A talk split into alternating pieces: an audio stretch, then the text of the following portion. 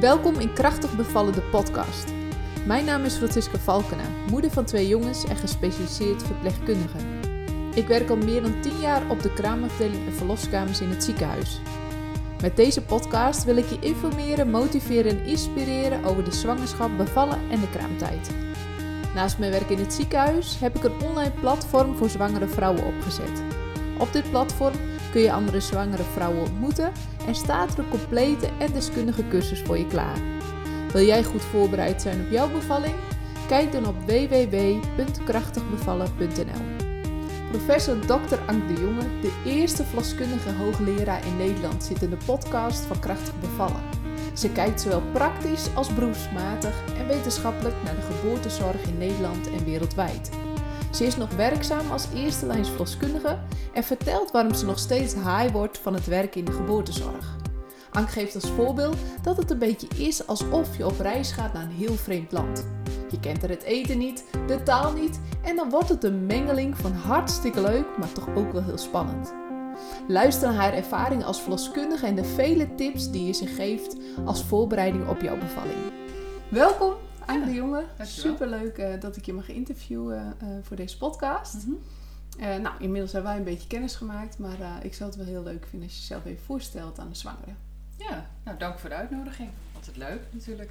Ik ben Ank de Jonge, eerste lijns verloskundige, dus verloskundige in de wijk. maar het grootste deel van mijn tijd ben ik nu onderzoeker.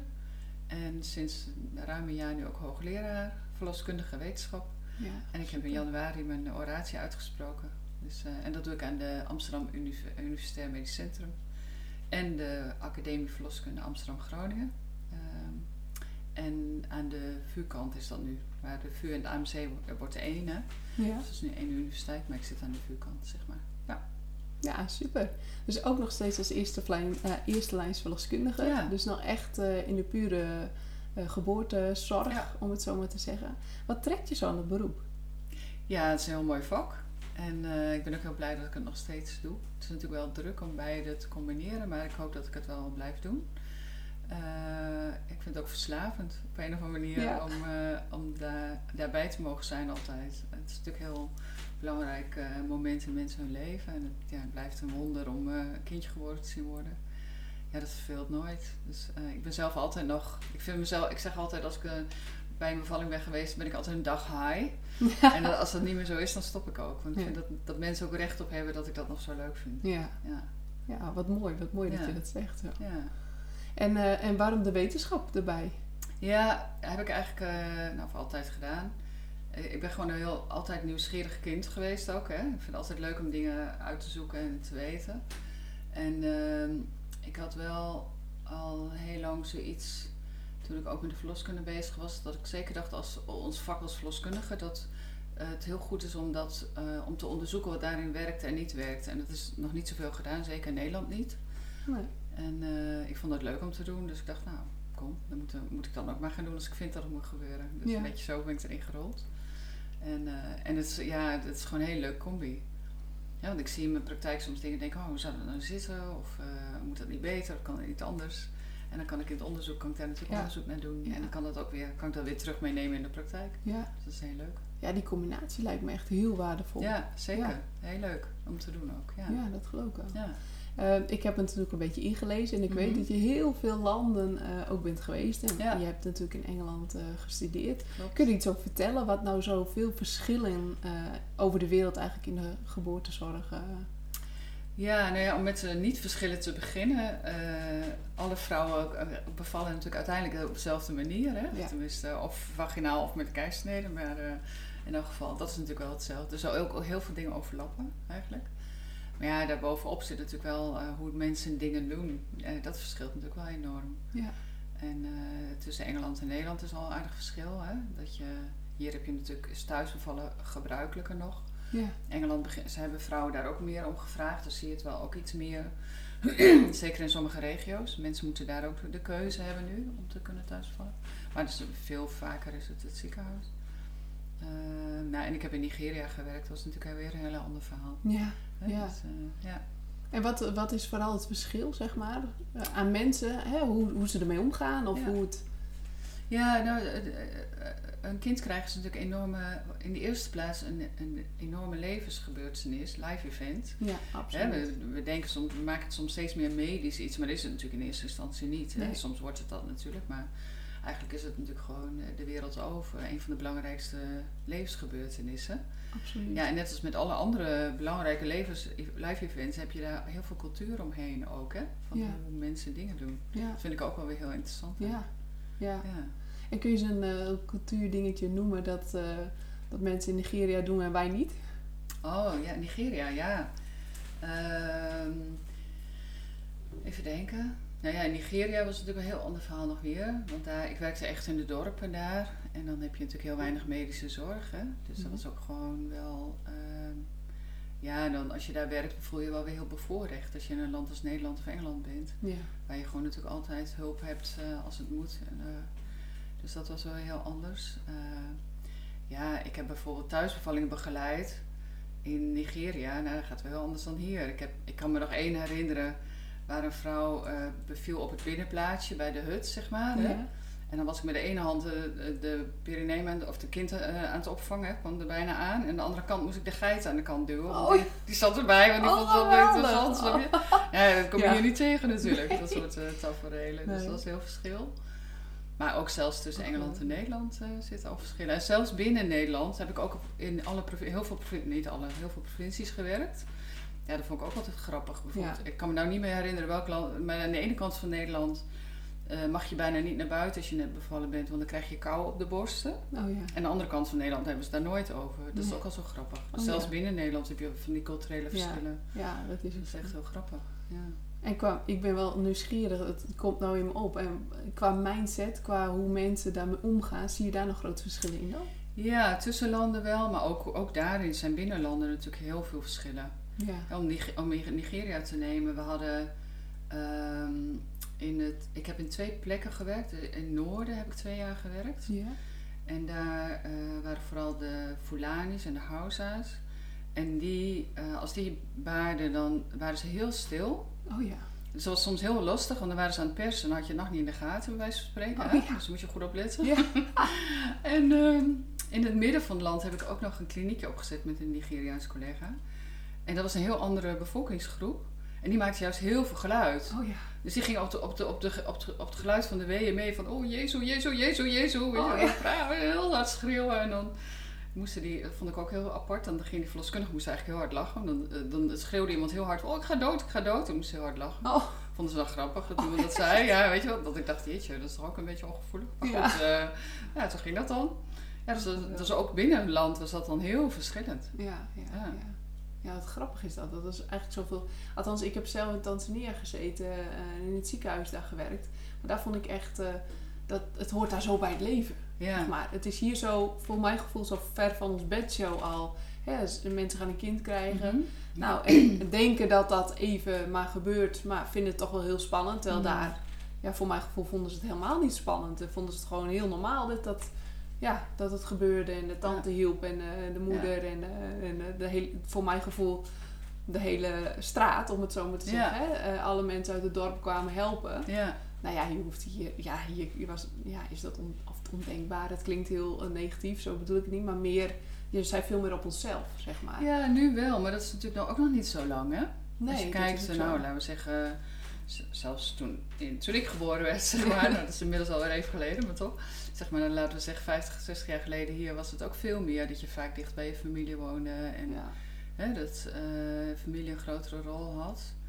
Dus we, en nu moet je dat bijna creëren. Dus je, ik weet niet of je van Centering Pregnancy hebt gehoord. Ja. Ja, dus wat eh, een collega van mij eh, naar Nederland heeft gehaald, eh Marlies Reinders.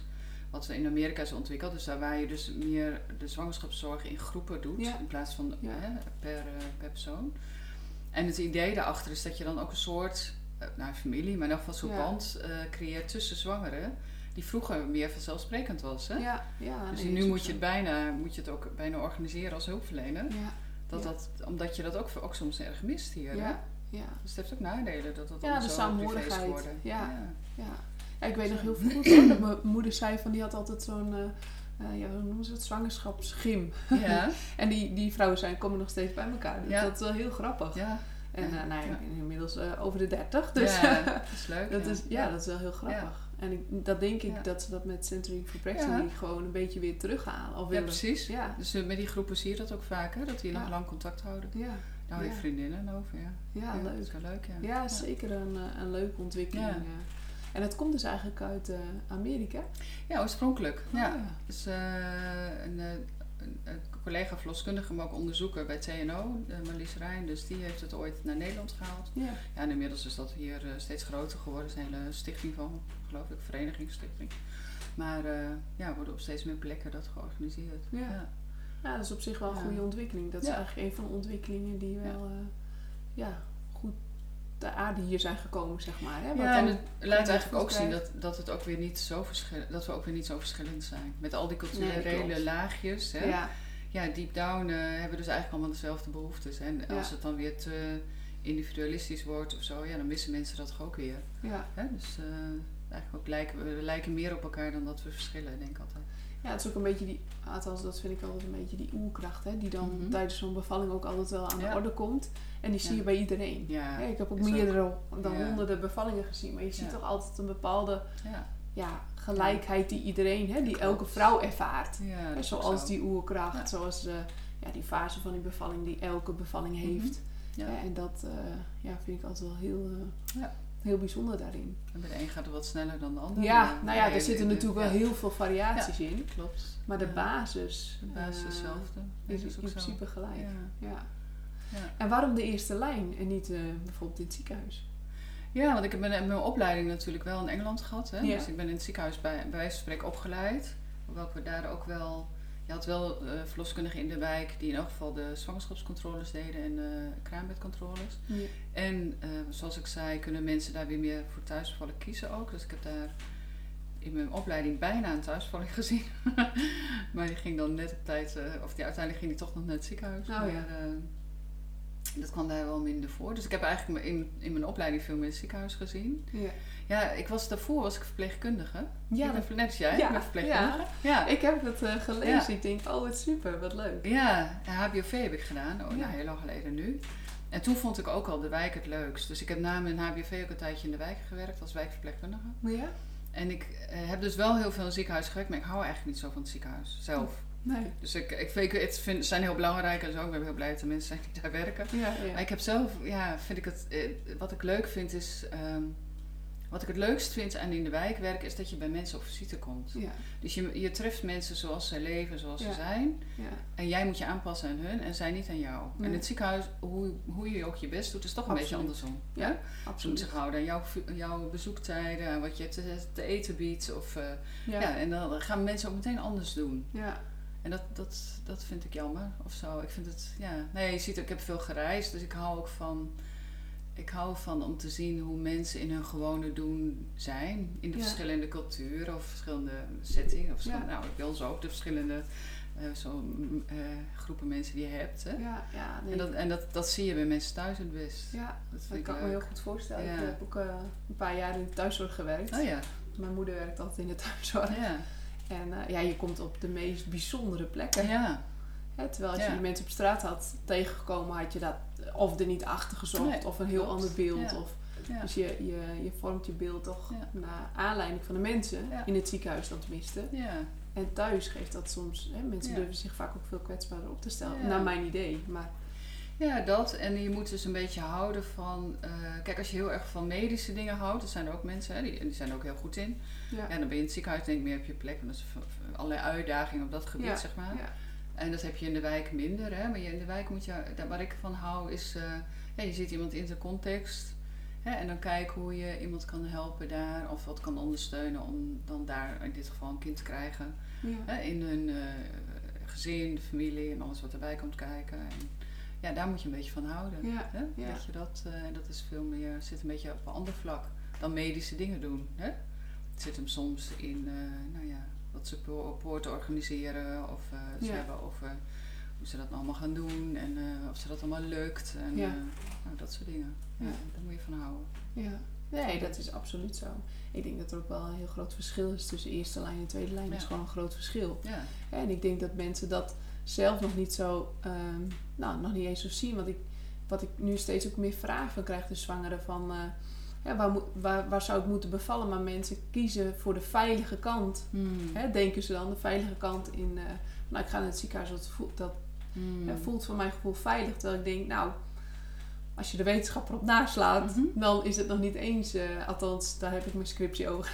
Oh, heel goed. Ja, Ja, ja. eh, dan is dat nog niet eens. Hè. Je eh, medicaliseert veel sneller op het moment dat je in een ziekenhuis Klopt, bent, dan dat je thuis bent. Ik heb er zelf veel onderzoek naar gedaan, hè? Ik weet Oh, ja? of je onderzoek hebt gezien. Nee, nee. We hebben oh, echt onder nou, meer dan een half miljoen vrouwen gekeken. Als je nou bij de verloskundige thuis begint of in het ziekenhuis, ja, hoe zijn dan de uitkomsten van de bevalling? Dan zien we eigenlijk geen verschil in, eh, in eh, nadelige uitkomsten bij de baby. ja, Soms zelfs nog ietsje gunstiger thuis, maar dat zit misschien ook een beetje in welke mensen thuis bevallen. Maar je ziet inderdaad eh, eigenlijk de wereld over, als mensen thuis beginnen aan een baring, ja. dat ze vaak minder pijnstilling nodig hebben, Ja. minder weeënopwekkers, eh al die dingen. ja. Ja, dus, ik, eh, ja. mijn uitkomsten waren ook dat ze dus Ja. minder, ja, minder ingrepen, minder... Dat je toch sneller, Ja. als je in het ziekenhuis bent, naar een bijvoorbeeld een pijnstilling Klopt. eh, ja. eh, ook grijpt. Ja. Omdat het beschikbaar is. Omdat het beschikbaar is en we denken ook, ja, we weten natuurlijk niet alles er nog van, maar het lijkt er ook wel op wat ook wel een beetje logisch klinkt. Ik heb bij een bevalling moet je, het is heel intiem gebeuren. Het is bijna zoiets als seks hebben. Hè? Je dan eigenlijk daar gewoon heel erg aan over moet geven. ja. Ehm, je kan je voorstellen dat dat wat moeilijker gaat als je in een vreemde omgeving bent, waar ook allemaal nog vreemde mensen binnenlopen die je nooit ontmoet hebt. En, hè? Nee, klopt. Dat Het is letterlijk je blootgeven. Nou ja, eh, hè, Ja. kun je niet omheen. Dus eh, Nee. dat dat ook misschien wat makkelijker gaat in je eigen omgeving. is niet zo Ja. gek natuurlijk. Nee. En wel vooropgesteld dat, dat het dus even veilig is in Nederland. Waar we het ook gewoon goed geregeld hebben met elkaar. Hè? Ja, absoluut. Dus eh, soms wij hebben die onderzoeken gedaan. En dan zijn er ook wel eens mensen die met mijn onderzoek in de hand, of ons onderzoek eh, in Amerika riepen van oh, je kunt rustig eh, 200 kilometer van huis, eh, van het ja. ziekenhuis thuis bevallen hoor. Nou, nou, Ja. nou, dat hadden we nou niet onderzocht. Nee. Dus zo moet je het dan ook niet. Hè? We hebben het gewoon heel goed geregeld hier. Ja. Dus als we echt eh, met spoed iets hebben, zijn we ook heel snel in de ziekenhuizen. Ja. En eh, werken we daarin heel goed samen. Dus, ja, de afstanden zijn hier veel kleiner. Hè? Afstanden zijn kleiner. We hebben onze ambulances weten we, zijn erop ingespeeld. Eh, we, hebben met elkaar hebben goede afspraken. Ja. Als wij een ziekenhuis bellen, we hebben echt superspoed. Dan gaat het ziekenhuis ook al dingen klaarzetten. Dus dan is er wel iets verschil in hoe snel je dingen kan doen. Maar het is kleiner dan mensen soms denken. Ja. Want als ik met iemand in een ziekenhuis ben, staat er ook geen operatiekamer klaar. Nee. Als Nee, er dan absoluut opeens iets niet. is, dan moet dat ook nog geregeld. Dus dat, er zit wel iets verschil, maar het is, ja, omdat we het goed geregeld hebben, denk ik kleiner dan mensen soms denken. Ja, en je kan ook heel veel thuis, hè? Je kan heel veel thuis. hè? ja. Mensen denken Ja. vaak, ja, maar dan hebben de specialistische zorg wat thuis, maar Mhm. in, eh, hè, van het ziekenhuis, Ja. als je in het ziekenhuis bent. En natuurlijk is dat deels eh, Mhm. waar. Eh, maar de andere kant is natuurlijk wel zo. Je hebt je spullen bij je, je bent erop ingespeeld. Precies.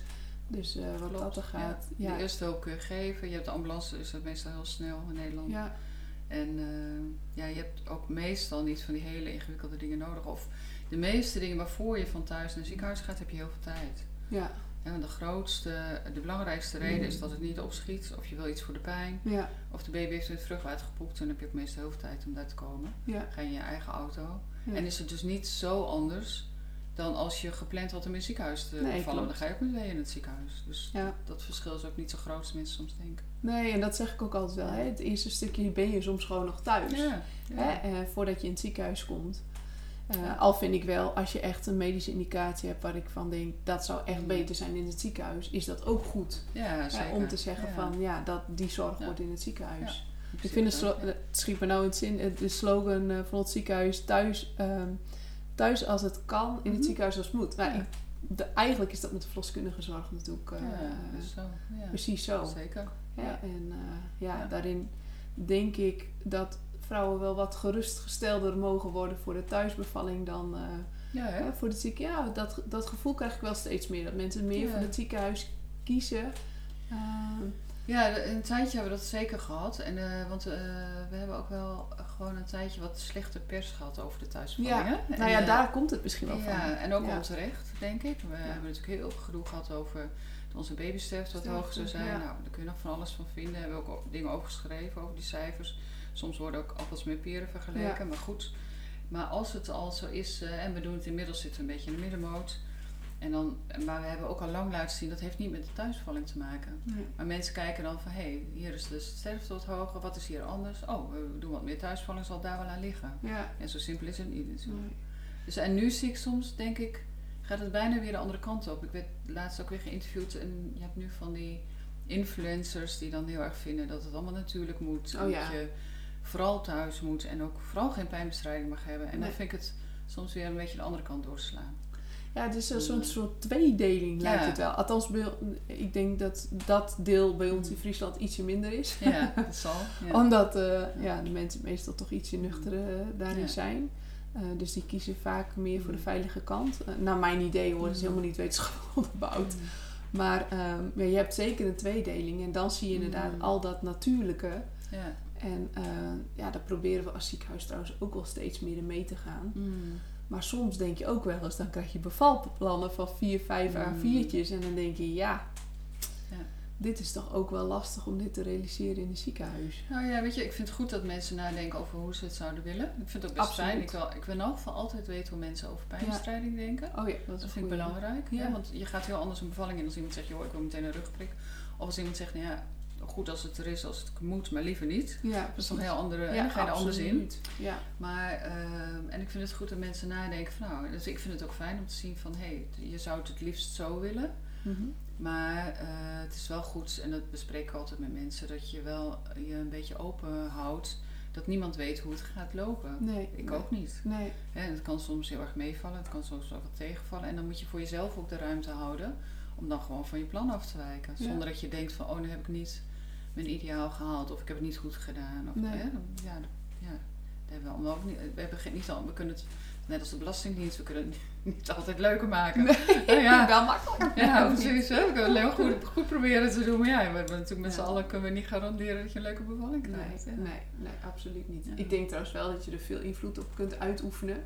Hè, Mm. door door nou ja, bepaalde eh, dingen als een bad of Mhm. warmte toe te passen. Een bepaalde massage en zo. Dus ik denk zeker, dat je op een bepaalde manier daar invloed op hebt. Ja. Eh, een stukje waar ik het ook wel met je over wil hebben is een stuk mindset. Mhm. Hè? Dus eh, zeker hoe, hoe sta je in zo'n Mhm. bevalling. Ja. En ik ben wel heel nieuwsgierig hoe je daar, eh, wat je daarvan, ja, wat, wat, wat adviseer je mensen qua, qua voorbereiding, qua mindset, qua hoe, hoe begeleid je mensen, zeg maar. Kun je ons een Ja. beetje daarin meenemen? Nou, eh, ja, dus ik denk dat vaak het voor mensen leuk is om toch iets van de zwangerschapscursus of zo te doen. Hè? En dan een beetje te kijken wat bij hun past. Hè? De een die heeft wat meer met yoga en de ander denkt, nou, gewoon de gewone gym. hè? Ja. En dat is allemaal prima. Dus het is wel, wel, denk ik, en sowieso fijn om inderdaad een beetje te weten, bijvoorbeeld over pijnbestrijding, wat de voor- en nadelen zijn. Ja. Nou, het eh, plaats van bevalling, wat zijn de voor- en nadelen van thuis en ziekenhuis. Ja. Dat je dat soort dingen eh, goed bedenkt. En ja, een bevalplan zeg ik altijd mag, hoeft niet, hè, want dan zien mensen het ook weer als verplicht huiswerk. Dat is niet per se. Maar je moet Nee. zelf van dit, dit soort belangrijke dingen bespreken, denk ik, met je verloskundige of gynaecoloog. En eh, wat je zou willen. En tegelijkertijd, wat ik zei, ja, als je eh, wel er een beetje open in kan gaan. Het, het helpt vaak goed als je nou ja, inderdaad denkt van ik, ik kan het, want ik heb, ben een vrouw en ik kan gewoon die, die bevalling doen. Waarom Ja. zou het niet kunnen? Ja. En tegelijkertijd denken, nou, we, gaan, we beginnen hier en dit zou ik willen en we zien waar het, hoe het gaat. Ja, en als, ik dan, als het toch een beetje anders loopt en ik heb wat meer hulp nodig dan ik had gedacht, ja, dan is dat ook zo. Ja. Hè? En dan is het fijn dat die hulp er is. ja, dus eigenlijk eh, adviseer om met een open mind, hè, wat je net ook al een beetje zei, Ja, een beetje met een open mind in te gaan. Zo van, nou, zo kan, zou het kunnen. ja. Eh, maar je weet nooit natuurlijk hoe het loopt, daadwerkelijk. Nee, en wat ik in een ander interview wel eens gezegd heb, is we zijn zo eh, goed in oordelen naar elkaar sowieso Ja. hè, in de wereld. We vinden altijd van alles, vooral hoe iemand anders zijn leven moet leiden. Ja, Bo, hè? En eh, dat, Ja. met, met zwangerschap niet anders. En eh, je bent ook een soort publiek bezit hè, op het moment dat je zwanger bent. Eh, mensen leggen ook bij ongevraagd je hand op je buik, nou enzovoort. ja, En die vinden dan ook van alles over waar jij moet bevallen, of je wel of niet pijnbestrijding moet hebben. En Ja. dan denk ik, nou laat dat alsjeblieft gewoon bij mensen zelf. ja. En eh, ja, mensen zijn verschillend. We hadden het begonnen, het gesprek over culturele verschillen. Ja, Tussen landen, maar ook binnen landen. En mensen staan er verschillend in. ja, Ja, en voor de een is het gewoon heel fijn om meteen een rugprik te kunnen hebben. En de ander zegt, Ja. joh, liefst thuis zonder toetsen en bellen. En dat is allebei, allebei oké. ja, Ja, als je goed weet wat de voor- en nadelen zijn. Dat is wel belangrijk, hè? dat je goed geïnformeerd Ja. bent. Van nou, als je een rugprik krijgt, dan kunnen daar wat bijwerken aan zitten. Nou, Dat kan een reden zijn om te denken van nou, ik wil het eerst maar even gewoon proberen zonder. Hè, maar soms loopt je bevalling dan toch zo dat je denkt, nou, het is fijn dat ik dat toch die rugprik kan hebben. Ja. Ja, hetzelfde met thuis. Hè. Eh, eh, je moet weten dat je natuurlijk toch soms nog even in het ziekenhuis moet, soms ook op het laatste moment. Ja, die kans is allemaal niet zo heel groot dat je acuut moet. Hè. Eh, maar als het wel zo, als je daar verschrikkelijk tegenop ziet, ja, Ja. dan moet je daar niet voor kiezen. Nee. Nee. Hè. Of anders denken van ja, als dat gebeurt, ja goed, wat we bespraken, dan ben je daar ook alweer, eh, hebben we daar ook goed goede afspraken over. En dan, Ja, absoluut. dan, dan moet je dan wel ergens ook rekening mee houden. Ja. Dat het zo kan lopen. Hè. Ja. Maar wat vind je eigenlijk dat steeds meer mensen, of, althans voor mijn gevoel, er komt natuurlijk steeds meer opspraak over pijnstilling, wel, Mhm. niet. Het is best wel een item onder de zwangeren, Ja, het stukje pijn. ja. Ehm, ja, wat, wat, wat, wat vind je ervan?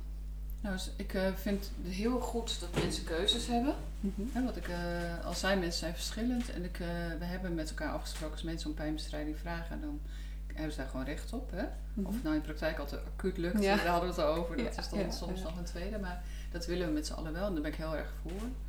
Ehm, ik hoor wel, en ik weet van de literatuur ook, dat heel veel vrouwen zeggen... joh, het is fijn dat het er is als het moet. Maar als het zonder kan, vind ik dat heel fijn. Ja. En dus bij heel veel vrouwen gaan we ook zo die baring in.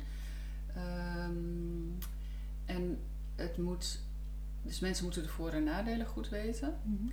En ik vind dat het niet zo moet zijn dat je pijnbestrijding geeft omdat je eigenlijk geen tijd hebt om iemand goed te Mhm. begeleiden. Nee. Want eigenlijk hebben we dat afgesproken met elkaar, dat ieder- iedereen bijvoorbeeld een ruggenprik moet kunnen hebben. Mhm. Maar wat we weten, ook van onderzoek, is dat wat heel erg helpt, is als iemand gewoon bij die vrouw zit. Ja. En we hebben er nu een naam voor verzonnen, dat heet Watchful Attendance. Kijk. Die Watchful Attendance geeft, hè. Ja, Want ja. dat is zo'n zorg die, die dat weet is je, ook zo. daarom hebben we het een naam gegeven. Dat had eigenlijk geen naam. Maar iemand die gewoon bij een, bij een zwangere is en haar helpt door die weeën, om, dat, om die weeën goed op te vangen.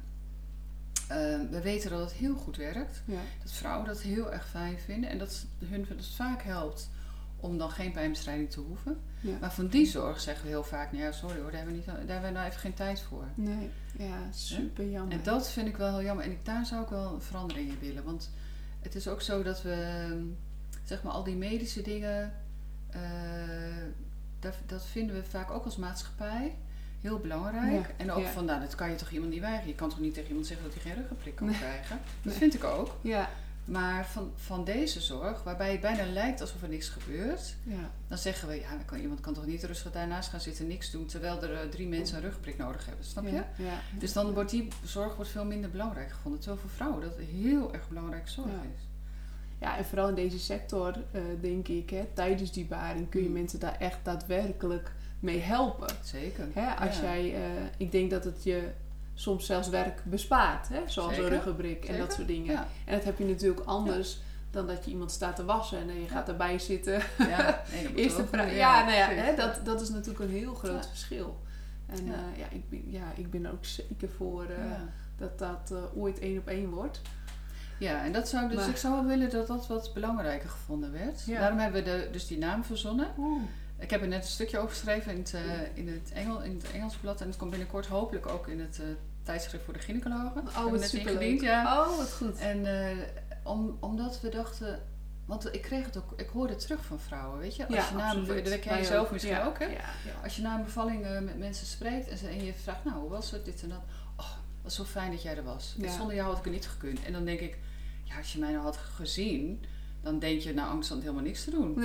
Ja, ik zat er een beetje bij en ik had een beetje een masseren. En ik zei, hou eens een kopje thee. En ik zei, joh, het gaat goed. En, eh, Ja. Maar je, het lijkt alsof je niks doet, maar je bent erbij. Mensen weten dat je medisch geschoold bent. Ze weten dat je heel goed in de gaten houdt of het goed gaat of niet. Ja, Dat je ook wat gaat doen als het niet goed gaat. En het geeft vertrouwen. ja, Helemaal als dat de verloskundige is die je al kent uit de wijk, hè, die dan met je meegaat. Dus die, die, die, die heb je een beetje leren kennen. Dus die denkt, nou, bij jou, bij jou durf ik het wel. Dan geeft dat zoveel rust. ja, zoveel vertrouwen eigenlijk. Ja, dat, dat soms dat enorm helpt dat mensen dan die pijnbestrijding niet nodig hebben. ja, ja, En dat is misschien ook een stukje waarom het thuis zo vaak eh, zonder pijnbestrijding, eh, pijnbestrijding kan. ja, Ja, ook dat vertrouwen en die rust. En, Ja. Maar in het ziekenhuis toch altijd veel moeilijker is om dat te creëren. ja, absoluut. Daar ben ik het eh, zeker mee eens. Ik zie Ja. dat ook in de dagelijkse praktijk. En dat is ook een reden waarom ik een stukje voorbereiding in ieder geval al Mhm. pak. Ja, Hè, heel goed, ja. Vooral ook, nou ja, eh, soms had ik het gevoel, maar dat is puur op mijn eigen ehm, nou ja, gegevens, zeg maar. Dat als mensen dan ehm, thuis willen en uiteindelijk in het ziekenhuis, dat alles tegenvalt. Snap je? Hè, dus alles wat Mm. daarin, daar hadden ze zich wel goed voorbereid Ja. op de thuisbevalling. Ja. En daar hadden ze helemaal zin in, helemaal het idee om dat te gaan doen. Ja. Ja, en om wat voor redenen ook beland je dan in het ziekenhuis. Ja, en dan ja, is het heel moeilijk soms om met mensen contact te, te, te leggen. Ja. Hè? eh, omdat ja, de, het gevoel al van tevoren al is van... oh, ja, dit had ik eigenlijk niet gewild. Dus er is Ja. al een soort van blokkade... Ja. voordat mensen, eh, ja, doordat mensen naar het ziekenhuis moeten. ja, dat is jammer hè. Dus er zijn een paar Ja. dingen wat dan niet goed gaan. Dus eh, één is de voorlichting hè, of de voorbereiding. Ja, En ja, er zit ook iets bij de zorgverlener misschien hè. ja, Dus daarom wat ik zei, van ik bespreek altijd met mensen, ook als ze thuis willen, van nou, dit zijn de scenario's die kunnen be- gebeuren. ja precies. Hè, dus dat je daar rekening mee houdt. Het tweede is dat er soms een beetje de, het idee is van als je thuis begint en je eindigt in het ziekenhuis, dan is die thuisvalling mislukt. ja, is falen. Of Wat ik altijd Ja, raar vind, want dan denk ik, Ja, iedereen die in het ziekenhuis wil bevallen, begint ook thuis met de weeën. Ja. Tenzij je bent ingeleid, hè, als Ja. je be- bevalling wordt gestart. Maar anders, bijna elke bevalling begint thuis, Ja. toch? ja, absoluut. En dan ga je ook met weeën in het ziekenhuis. Waarom is dat dan niet mislukt? Ik bedoel, waarom, waarom heet dat zo? Terwijl ik heel veel mensen ken die dan heel lang thuis zijn gebleven en dan misschien nog even voor het laatste stukje in het ziekenhuis moeten. En dan bijna het gevoel hebben dat ze thuis bevallen zijn. Dat is prima. Ja. Hè? Dus dat zit, dat zit er een beetje in. Ja, die cijfers liggen ook nog best wel hoog. Hè? Als je kijkt naar de cijfers van 2019, daar had ik toevallig opgezocht op Perinet. was toch iets van 79% of zo wat van een eerste toch nog naar het ziekenhuis ging. ja, Ja, ze- eh. ja, 70% denk ik nu. Ja, dat, nu zou dat wel kunnen. Het was cijfers tot 2019, weet ik toevallig. Hoe, hoog was het? Ja, volgens mij 79% van een eerste, hè? Van een eerste kindje. Bevallen van een eerste kindje. Toen dacht ik, Dat is wel heel hoog. Ja. Ik denk iets. En Was wel die uiteindelijk, die wel eens een keer het ziekenhuis nodig hebben, denk ik. Oh, dat zou Ja, kunnen. dus ook eens een keer eh, consult heet dat dan, hè? dat je een afspraak in het ziekenhuis hebt en dan verder weer eh, in de wijk. Nou ja, het is meer dan de helft, zeker, bij je eerste kind. Ehm, ja, en een ander ding wat daarin eh, een nadeel is in ons systeem, wat ik heel graag zou willen veranderen, is dat als je bijvoorbeeld de bevalling begint bij je verloskundige in de eerste lijn, hè, in de wijk, die je goed kent, of je hebt een klein team wat je goed kent, en die beginnen de baring met je, en die, dan moet je toch naar het ziekenhuis, bijvoorbeeld, die wil voor iets voor de pijn, of het schiet niet op, of weet ik het wat. Eigenlijk heeft die jouw eigen verloskundige dan geen officiële rol meer. Nee. Ja. Ja. En wij hebben het ook zo ingericht dat je bijna niet bij alle vrouwen kan blijven, want we hebben daar veel te veel vrouwen voor in Ja. zorg. En eigenlijk zou je willen dat je eigen verloskundige dan gewoon die zorg kan afmaken. Ja. Dat je dat vertrouwde gezicht niet kwijt bent. Nee. En dat zou ik ook heel graag. Dat denk ik zou ook uitmaken voor de ervaringen van vrouwen. Dat weten we ook uit de literatuur eigenlijk. Ja. ja. Ja, Dus dat je eigenlijk je eerste verlo- lijnsverloskundige ook deels in de tweede lijn werkt. Dan, in feite. dus dat die gewoon, want, want vaak neemt daar een verloskundige in het ziekenhuis neemt de zorg Ja. over, hè? Ja, Ja, dat klopt. is ook gewoon een verloskundige. Ja, Gewoon, Dat is zeker. ook een verloskundige.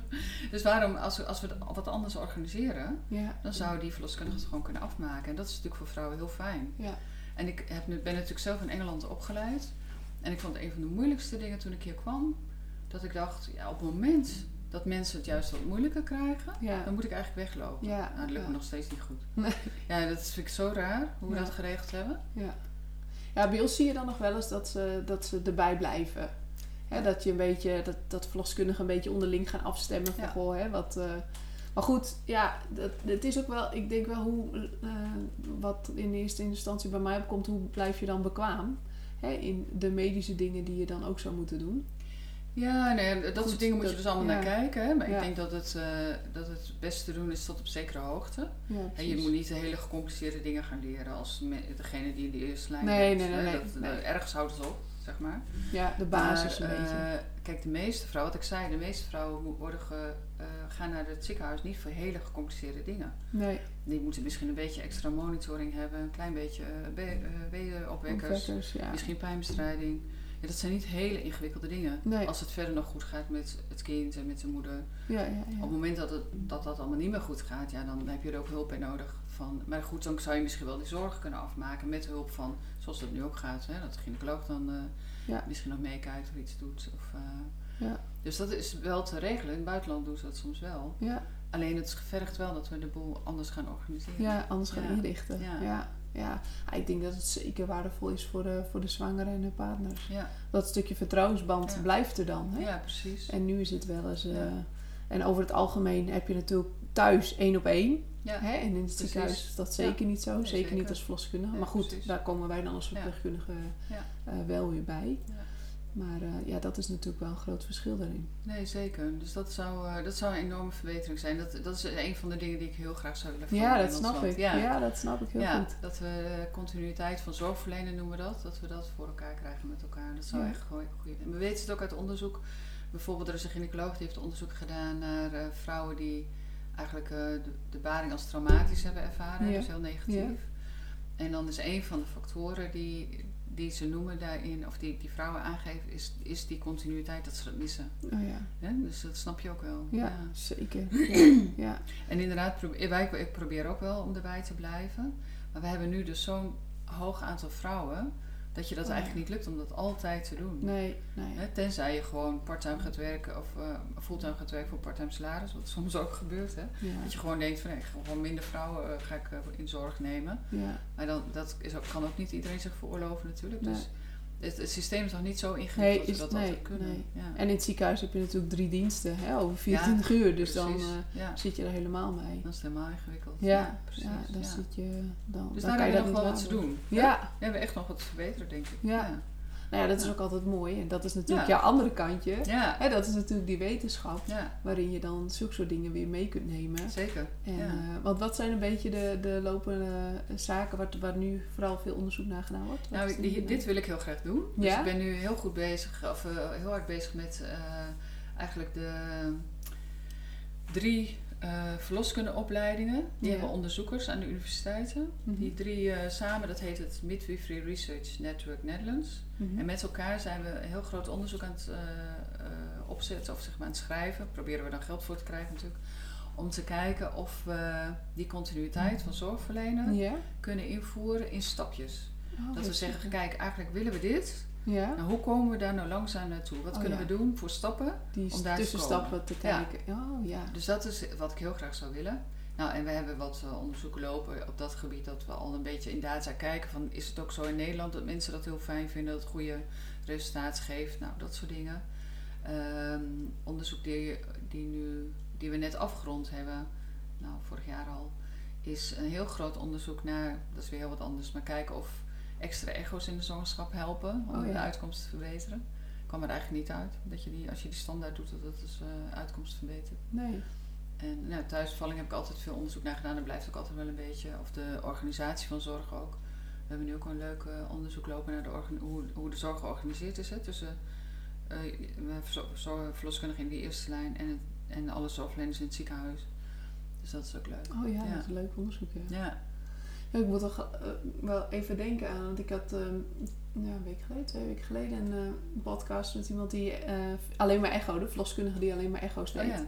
En die vertelde dat er in augustus, volgens mij, gaan die beginnen met de 14 weken echo. Ja, die klopt. komt erbij. er komt een onderzoek, groot onderzoek Ja, naar. Ja, klopt. Ja, Dus die vertelde daar eh, over dat, die, dat ze dat gaan inzetten. klopt. Ja. Dus, ja, eerst in het kader van onderzoek, hè, om te kijken of het zinvol is om dat standaard te gaan aanbieden in elk geval. Ja. Klopt. Ja. Ook, eh, Ja. ja. dat vond ik wel heel opmerkelijk. Ze zei eh, vooral om die cijfers ook beter in kaart te brengen. En wat er nou, als het misgaat, hè, of je dat dan eerder kunt ondervangen. ja. En eh, ja, dat vrouwen langer de Ja. keuzemogelijkheid Ja. hebben om iets te gaan doen, zeg ja, maar. daar gaat het eigenlijk over. Ja, ja. En aan de andere kant wil je weten of dat niet ook heel veel onrust geeft, omdat je bij die echo soms ook dingen ziet die dan nog onduidelijk zijn. Of, Ja. eh, hè, dus die, die afweging moeten we nog maken. ja, Dus daar is dat onderzoek voor. Ja. ja. Ja. ja leuk. Leuk eh, om die combinatie zo te doen. Ja. Eh, en nou hebben we dat ook gedurende deze podcast natuurlijk wel, wel over. Ehm, ik, vind nog wel heel, ik ben nog eigenlijk wel heel nieuwsgierig of de onderzoek ook iets over de mindset.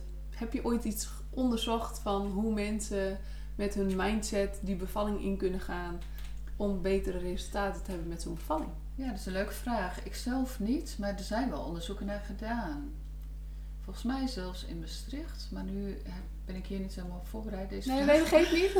maar volgens mij heeft iemand daar ook gekeken naar ehm, bijvoorbeeld mensen die kiezen voor thuisvallen of in het ziekenhuis bevallen. Dat weten we wel. Hè? Dat Ja, zijn natuurlijk toch een beetje andere vrouwen, of tenminste, hè? Daar, daar zit vaak, uh, mensen staan er anders in. Hè? ja, Dus natuurlijk, eh, ja, dat is een beetje voor de hand liggend. Hè? Dus mensen die in het ziekenhuis willen bevallen, die staan vaak wat meer open voor pijnbestrijding bijvoorbeeld of medische dingen. Ja. En de mensen die thuis willen, die hebben vaak zoiets van nou als het niet hoeft liever niet. Nee. En dat soort dingen. Soms, ehm, eh, dus ja, eigenlijk alle vrouwen vinden veiligheid belangrijk. Dat is altijd wel interessant. Maar veiligheid is meer dan medische veiligheid. Ja.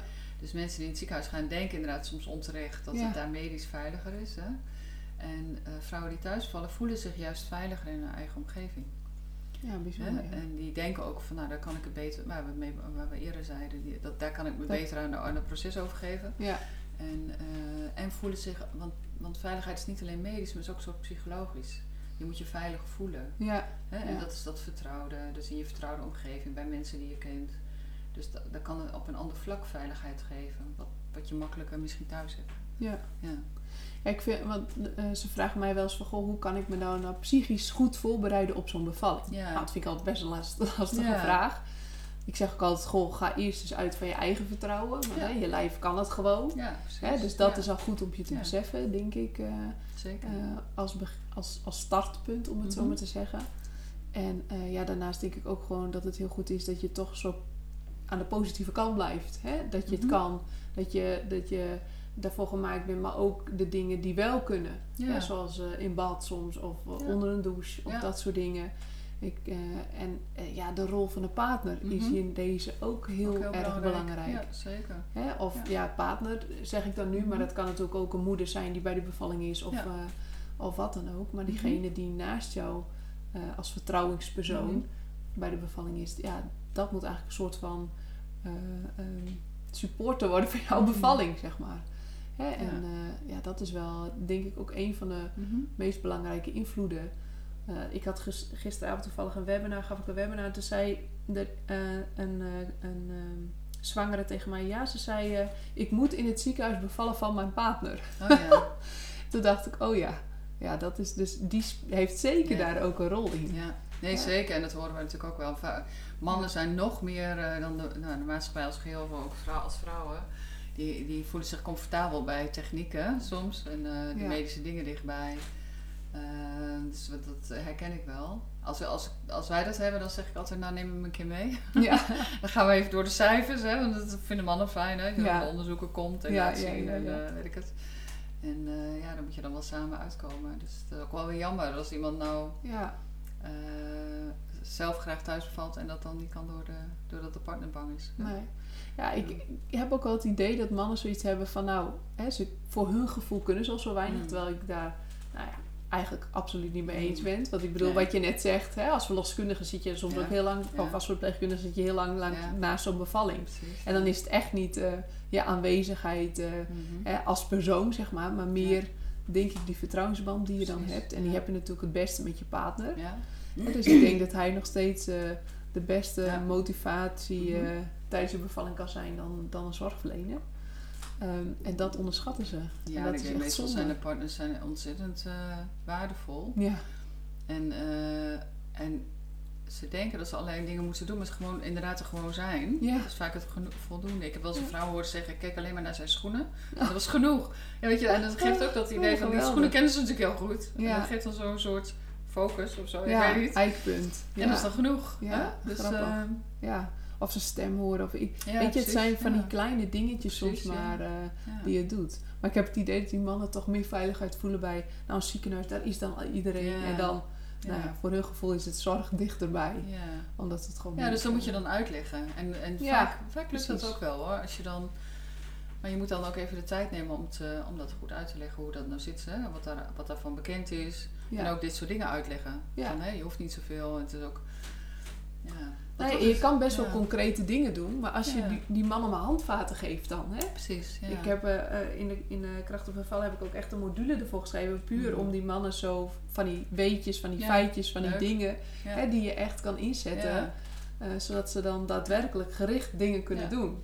Ja, dat is best veel hè. Ja, is ook absoluut. zo. Ja. Absoluut. Ja, en ik denk wat bij beide wel een rol speelt, bij partners, maar ook zeker bij die vrouwen, tenminste merk ik ook, is dat we, kijk, eh, wa- waar we het steeds over hebben gehad, van eh, je moet je ook zo overgeven aan zo'n bevalling. Ja. Dat is hartstikke onvoorspelbaar, ook voor ons, hè. Ik weet het natuurlijk ook niet. Nee. Maar dat is niet iets wat we heel goed kunnen nog in onze maatschappij, denk ik wel. Nee, klopt. En we, eh, we, we plannen bijna alles, Ja. we regelen alles. Je weet vandaag al bij spreken wat je over vier dagen gaat eten, of Ja. waar je moet zijn. Of, nou, een afspraak heb je vaak een jaar van tevoren misschien al gepland.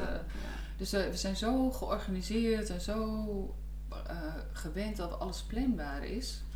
Dat het voor zowel de vrouw als hun partner heel moeilijk is om nou zo'n dag in te gaan met zo'n bevalling en geen idee Niet te hebben hoe die eruit gaat zien. Of wanneer het kind komt, weet je. Dus ik probeer ook altijd wel, dat vind ik ook wel leuk. Dan heb ik het met mensen over, god, dat is eigenlijk hartstikke leuk. Dat Ja. je dat weer eens ervaart hoe dat is. ja. Weet je, Ja. dat zijn we zo niet meer gewend, maar dat heeft ook wel iets heel leuks. Ja, ja. Dat je denkt van, nou, ik zeg, ik zeg, en ik zeg ook altijd een beetje als dat je op, op reis gaat. Ik heb veel gereisd. Ja.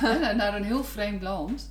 Eh, waar je eigenlijk ook eh, nou, het eten niet kent en de taal niet. En eh, dan is het een soort mengeling van hartstikke leuk, Ja, maar ook heel spannend. ja, ja, En klopt. dat is eigenlijk met die bevalling natuurlijk ook. Dus, Ja. Het is een beetje van beide. Dus Ja. en van, oh wauw, hoe gaat dat zijn? En ook wel, het is ook wel echt wel een beetje eng. Ja, Ja, dat mag ook. ja, ja. Ik vind het wel een hele mooie beschrijving die je geeft. Ja, Want, dat heeft eh, gelijk vaak. ja. Heeft, eh, daar lijkt het veel Ja. op, denk ik. Ja, ja. absoluut. Dat denk ik ook. Ja. Want mensen, ze zeggen ook wel eens van... eh, goh, ik zou zo graag die datum willen weten. Ja. Nou, ik zei, jij hebt een uitgerekende datum. Maar Ja. goed, heel weinig bevallen er natuurlijk ook. Ja.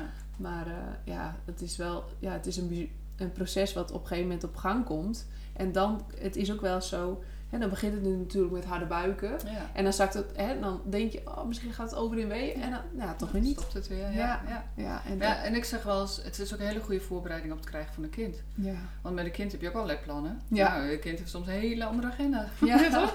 Dus, eh, Absoluut, ja. ik weet er alles van. Nou ja, dus is, denk Ja. ik, dus het zal een eerste eh, ja, leerschool eh, voor hoe je als ouders moet zijn. Ja, Moet je ook maar een beetje kijken hoe het gaat. Ja. ja. ja, ja, dat is een hele goede.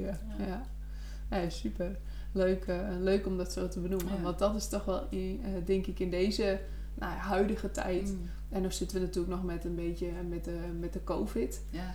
Hè? Dus dat maakt helemaal dingen eh, voor vrouwen onzeker. Het is nu wel een tijdje Ja. al aan de gang. Hè? We zitten daar juist, Mhm. hoop ik nu, een beetje aan het eind. Eh, Ja. alles gaat weer een beetje open. ja, het zou fijn zijn. Ja. Eh, want ik, ja, voor de zwangere was dit best wel een spannende Mhm. tijd. Althans, hè? degene die ik gesproken heb, die vonden het toch best wel heel spannend. Hè? Zeker. Mensen blijven veel thuis. Ja. Ehm, en ook psychisch wel. Hè? Dat je denkt, ja, weinig sociale contacten. Ehm, weet je qua onderzoek ehm, daar ook iets van? Of er al meer... Ja, het begint te komen nu. Het- Er wordt heel veel onderzoek gedaan, maar het is natuurlijk ook nog maar net. Ja, dat, eh, dus voordat je dat het is heel allemaal- pril, hè? Het lijkt er wel op, eh, maar dan moet je me even te goede houden. Ik heb niet zo de cijfers paraat, maar dat mensen wel wat angstiger zijn over het algemeen geworden natuurlijk. En ook wel in de zwangerschap. Mhm. Dat je wel iets meer wat angstige zwangeren ziet. Er zijn ook, eh, zoals de eh, cliëntenorganisatie Zelfbewust Zwanger, heeft bijvoorbeeld een cursus ook ontwikkeld online, hè, die Ja. je kan doen. Ja. Om mensen een beetje te helpen juist. eh. dus er zijn ook wel, ook wel initiatieven geweest om, de, om mensen erbij te helpen. Ja. Ehm, we denken soms, dat denkt de beroepsorganisatie nog wel, dat wat meer mensen zijn gaan thuisbevallen. Dat Ja. zijn wij nu ook aan het onderzoeken. Oh, dat is een van de dingen waar we naar kijken. Dat kan ik dus nog niet zeggen, maar Nee, nee, nee. ehm, de indruk bestaat in elk geval bij zorgverleners wel. We hebben wel al onderzoek gedaan, eh vragenlijstonderzoek onder zorgverleners. Zowel in het ziekenhuis als in de eerste lijn denken mensen dat wel wat meer mensen thuis zijn bevallen. Oh ja. Eh, ja. En je denkt dat dat COVID gerelateerd is? Ja, wat je mensen een beetje hoort zeggen is, ehm, zeg maar, we hadden het even over dat die thuiswoning zo'n slechte pers had een Ja, tijdje. hè? ja, ja. Beetje, misschien ook onterecht. Dus het was eigenlijk, nou ja, als je voor veiligheid kiest, kun je voor het ziekenhuis. Hè? Dan Ja, moet je, ja, ja. Nou, steeds meer moeite doen als je toch echt thuis wil, eh, in je omgeving, zeg maar. En, eh, dus ik denk dat wat COVID soms heeft gedaan, is dat mensen niet meer zo automatisch denken dat het ziekenhuis altijd veiliger is Ja, precies. omdat ze toch een beetje associëren, ja, mensen met COVID gaan daarheen. ja, zo. weet je, met ziekte, echt met ziekte, Ja. zeg maar. Dus dat het wel, dat mensen wat meer. Kijk, je, je weegt natuurlijk altijd de voor- en nadelen van. Hè, daar hadden we het over. Ja, Als je ergens wil bevallen, wat je pijnstrijden wil of niet, dan weeg je de voor- en nadelen van alle opties. ja. Dus bij, bij plaatsbevalling denk je natuurlijk, nou, wat zijn de voordelen van thuis, wat zijn de voordelen van het ziekenhuis. En ik denk dat mensen iets meer, dat misschien anders zijn gaan wegen soms. Niet allemaal natuurlijk, maar eh, dat soms, soms die weegschaal een beetje anders is doorgeslagen. ja. Hè, van, uh, thuis vind ik wel aantrekkelijk, maar ik kies voor veiligheid. Nu denk je van ja, maar het ziekenhuis heb je ook wel weer nadelen qua veiligheid. Nou, weet je wat? Dan ga ik misschien toch gewoon thuis beginnen als het goed gaat. Ja, Zo is het dan, iets kijken. Anders, hè? Ja, ik denk niet dat de echte mensen die per se niet thuis willen, opeens zijn van thuis vallen of andersom. Nee. Dat geloof ik niet. Zozeer. Maar wel mensen die denken, nou ja, hè, een beetje tussenin dat het dan wat sneller misschien net thuis is doorgeslagen. Ja. Dat denk ik. En hebben jullie veel uh, patiënten gehad met uh, COVID, of patiënten, zwangeren gezien met uh, COVID-gerelateerde klachten?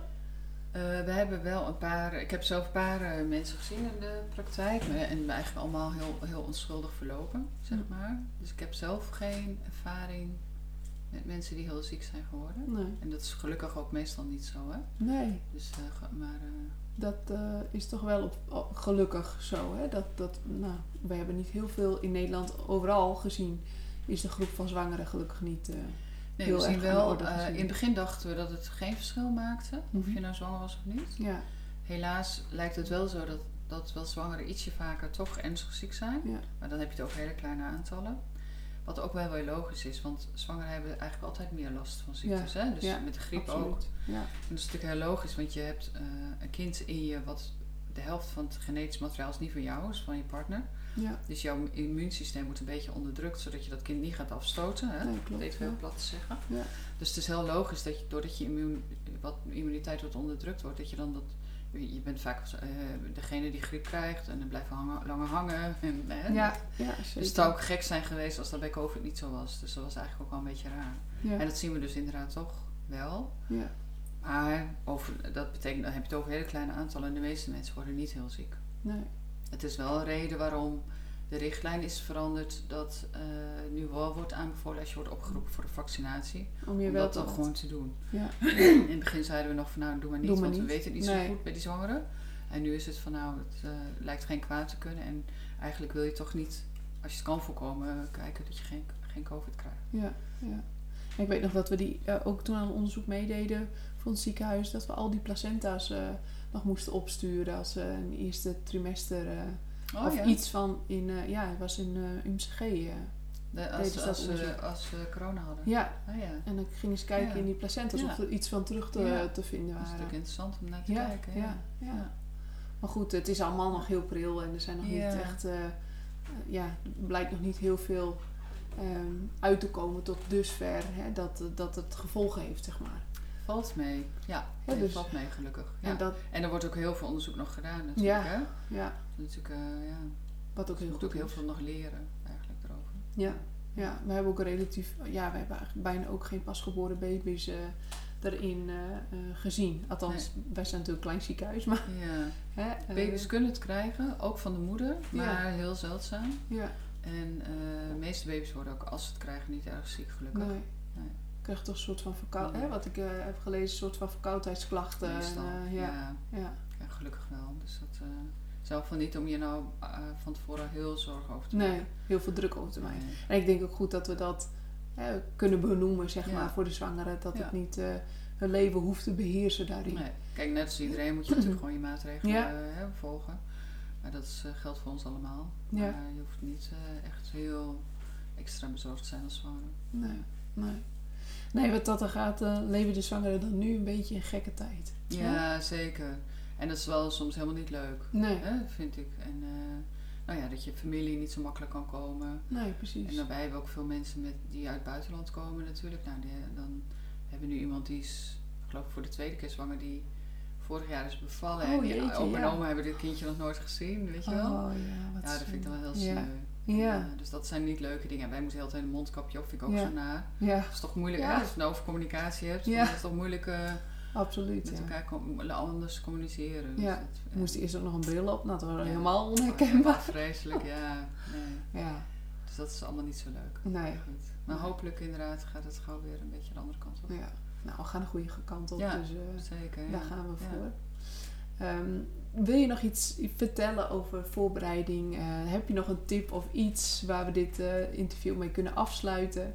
Waarin je zegt, nou, dat wil ik de zwangeren nog meegeven in nou, deze tijd. We hebben wel heel veel besproken. Ja, volgens mij ook. dus van uh, ga er open in en, en, en bespreek goed wat je zelf graag zou willen. Ja. En, en kijk vervolgens hoe het gaat. En laat je niet aanpraten dat je het op de een of andere manier moet doen. Doe het op jouw manier. Ja, precies. Laat je niet te veel eh, beïnvloeden door anderen. Ja, Soms spookverhalen, soms ook niet. Maar nou precies. Ja, dus eh, ja, het is jouw unieke ervaring en het is oké als het voor jou, als het gaat op de manier die voor jou het beste past. Ja. Dat is het belangrijkste.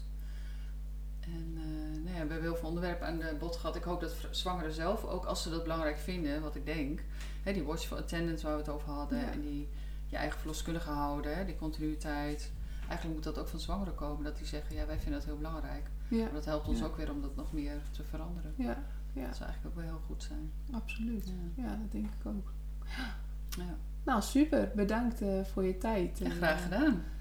ik hoop dat de zwangeren hier zeker wat aan, eh, aan hebben. Ik hoop het. En ik wens iedereen een hele goede, die luistert. En eh, als ze nog zwanger zijn, een goede zwangerschap en een goede bevalling. Ja, Ja. super. Bedankt.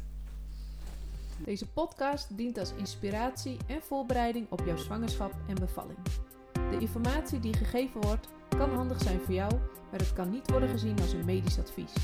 Voor meer informatie over hoe jij je het beste kunt voorbereiden op jouw bevalling, ga dan naar www.krachtigbevallen.nl, het online platform voor zwangere vrouwen.